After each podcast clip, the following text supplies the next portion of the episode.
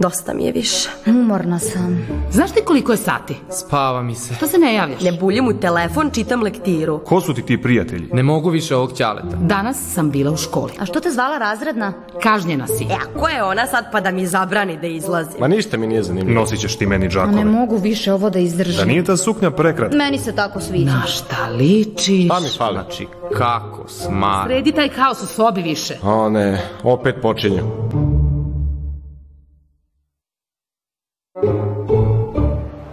Zdravo, zdravo. Pa kako ste? Ja sam odlično kad vidim koliko interesovanja vlada za upis srednje škole. I možda možete da pogodite. Nalazimo se na sajmu obrazovanja i sad ćemo da vam predstavimo koje su to razlike između gimnazije i stručne srednje škole.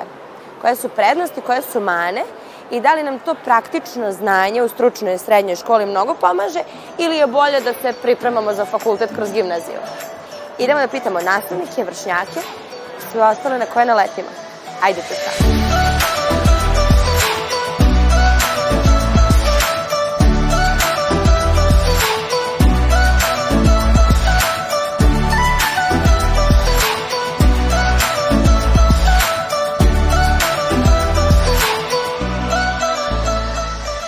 Zašto si ti upisala gimnaziju?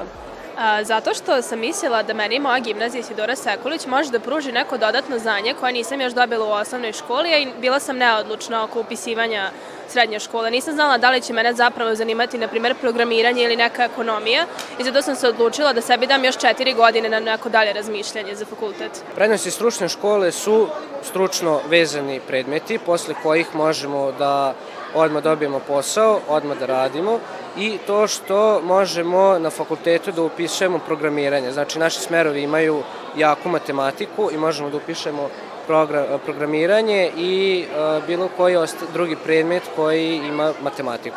Stvari koje ja gledam kao prednosti gimnazije jeste da zapravo imamo tu mogućnost odluke posle te četiri godine da ne moramo odmah posle osnovne škole jer nismo tada dovoljno zreli da odlučimo zapravo šta želimo sa svojim životom posle. Tako da ja sam iz tog razloga upisala zapravo gimnaziju.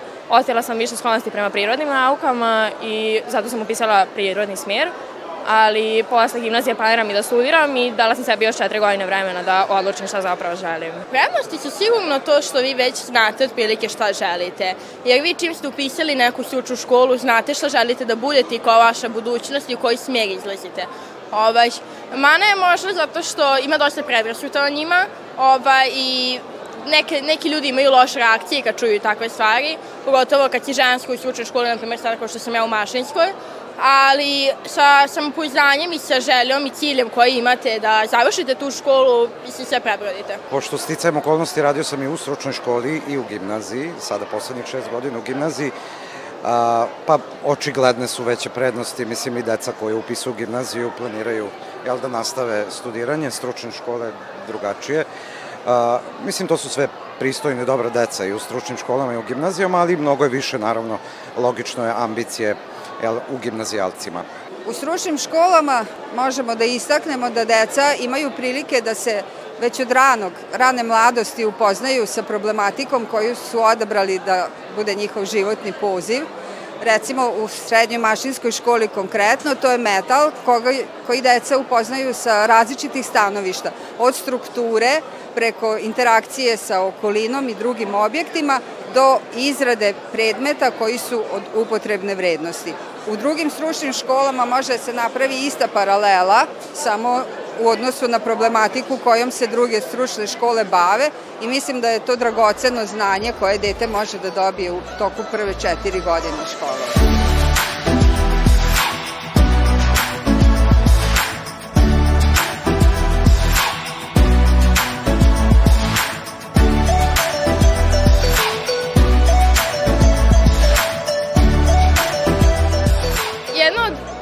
Predrasuda jeste zato što su tu sve muškarci, e, pa da ima tuča i neprijatnih situacija.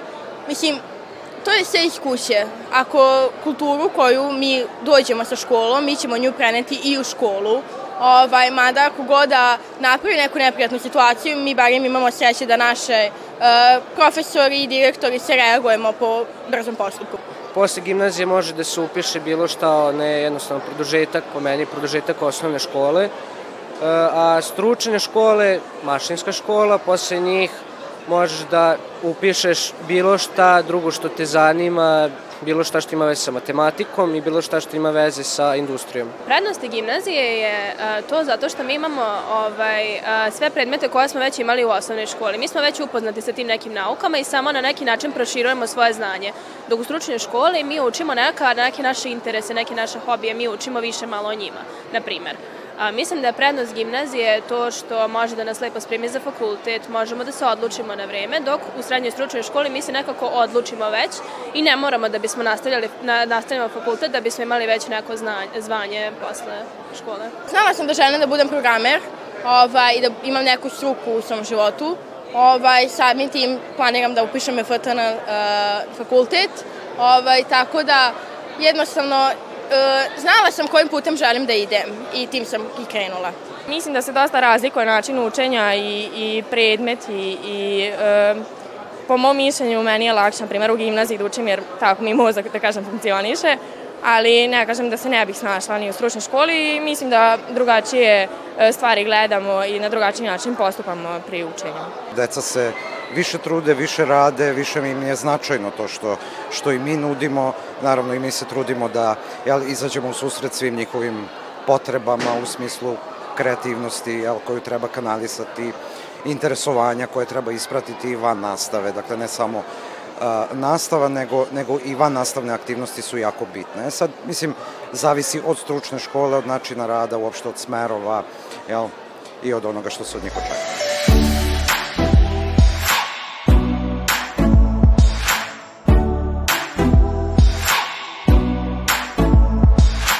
Nakon gimnazije mi nemamo nikakvo zvanje, mi smo samo, mislim, završili gimnaziju i mislim da je potrebno, po mom mišljenju, završiti neki fakultet da bismo mogli da se lepo zaposlimo posle do, e, master studije, doktorske studije, nekako je to moj put. Planiram da nastavim uh, obrazovanje, fakultet, posle master, doktorat i dalje da završim maksimalno, da iskoristim školovanje.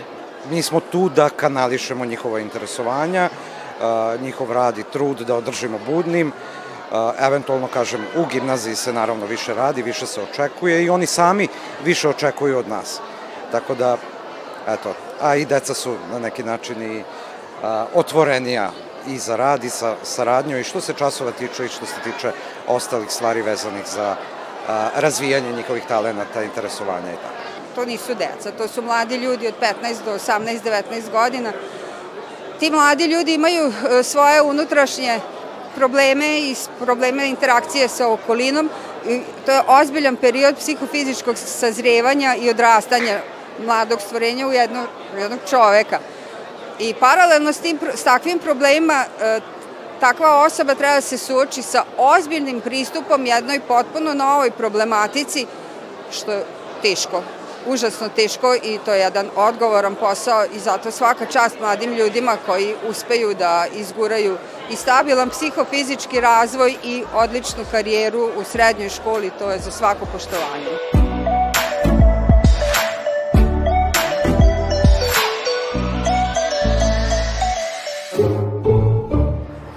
Ako se i dalje dvoumite da li da upišete stručnu srednju školu ili gimnaziju, jedna stvar je jasna – morate biti dobro pripremljeni za malu maturu i za jedno i za drugo. A da biste bili, morate ponavljati zadatke. I to možete uraditi upravo sad sa nama. Zaokruži slovo ispred imena pesnika na koga se odnosi navedena rečenica. Pisao je pesme za mlade i odrasle, opevao je prve ljubavi, odrastanja i traganja za pravim životnim vrednostima u pesmama Plavi čuperak, Plava zvezda, Šašava pesma. Milovan Danojlić, Branko Ćopić, Dobrica Erić, Miroslav Antić. Tačan odgovor, Miroslav Antić. Kako sa Čikajovom zmajem ulazimo u sam svet književnosti, tako nam stihovi Miroslava Antića bivaju pravi melem za dušu, skupljači naših rasutih misli, i zvezda među najsjajnijim zvezdama koja pokazuje u stvari naše snove, naše želje, naša maštanja. Pesmi Plavi čuperak Miroslav Antić nam govori o svojoj prvoj ljubavi. pesma Plava zvezda nam pokazuje put ka ostvarenju naših snova, naših želja, traganje za pravim životnim vrednostima. Šašava pesma na šaljiv način prikazuje razgovor između majke i njenog deteta koje polako napušta bezbrižan svet detinstva i ulazi u svet odraslih. I da se podsjetimo stihova iz te čuvene šašave pesme. Mama mi kaže, šašavo moje, šta se to zbiva u tvojoj glavi? U njoj dečaci, kažem, postoje dečaci crni, smeđi i plavi.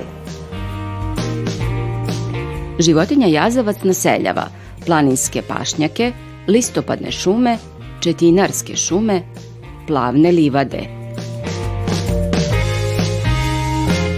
Tačan odgovor, listopadne šume.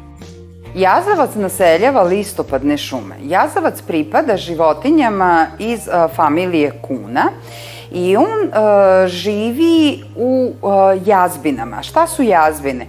To su odaje koje kopa u zemlji i te odaje su uvek sa više kanala povezane sa površinom zemlji. Isprost, uh, za, zbog toga on i ne može da živi u plavnim livadama. E, takođe ne može da živi ni na planinskim pašnjacima, je tako, jer je tamo stenovito.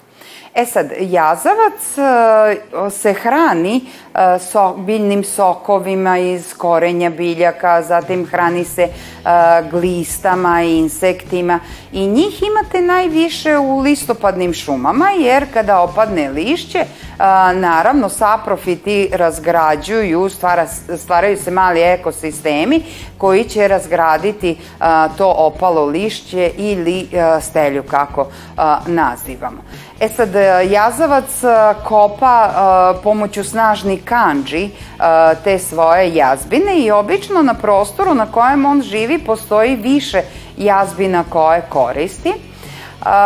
Ne voli takođe hladna područja, pa zato i ne živi u četinarskim šumama, jer su one odlika hladnog pojasa. On tokom zime kod nas, odnosno u umerenim klimatskim oblastima, pada u neku vrstu specifičnog zimskog sna. To nije pravi zimski san, on spava možda par dana, ali onda se budi da bi se hranio. Nedeljive boje prvog reda ili primarne boje su crvena, plava i žuta, crvena, plava i zelena, crna, bela i siva. Tačan odgovor crvena, plava i žuta. Tri osnovne boje, ili kako se drugačije nazivaju primarne boje, su crvena, plava i žuta. One su nedeljive i ne mogu se dobijati mešanjem drugih boja. Druga podela boja je na tople, koje su crvena, žuta i naranđasta i hladne, plava, ljubičasta i zelena, dok u neutralne boje spadaju smeđa i bež. Simbolička vrednost boje menja se u zavisnosti od okruženja. Crvena je, na primjer, boja ljubavi, dok u političkom životu predstavlja komunizam. Zelena je boja nade, ali ujedno i pokreta za zaštitu prirode. U evropskom kulturnom krugu Crna, koja je nijansa, a ne boja, je nijansa žalosti, a na dalekom istoku u Indiji je u pitanju bela nijansa. Svaka boja ima određeno psihološko delovanje, to jest izaziva razne osjećaje. Crvena, na primjer, ima snažno razdražujuće delovanje, popravlja raspoloženje, ubrzava puls, disanje i mišićnu napetost. Žuta boja deluje podsticajno, izaziva radost i veselje i predstavlja nadu. Plava, za razliku od crvene, deluje smirujuće, pasivno hladno, podstiče koncentraciju i umiruje. Čuli smo sada koje su to razlike između gimnazija i stručnih srednjih škola. Na vama je da donesete odluku, ali ja znam jedno, što više budete radili na sebi, učili, prikupljali to znanje, to ćete biti moćniji da uzmete sudbinu u svoje ruke. Zato uzmite tu sudbinu u svoje ruke i do sledeće emisije gde istražujemo nove teme. Vidimo se!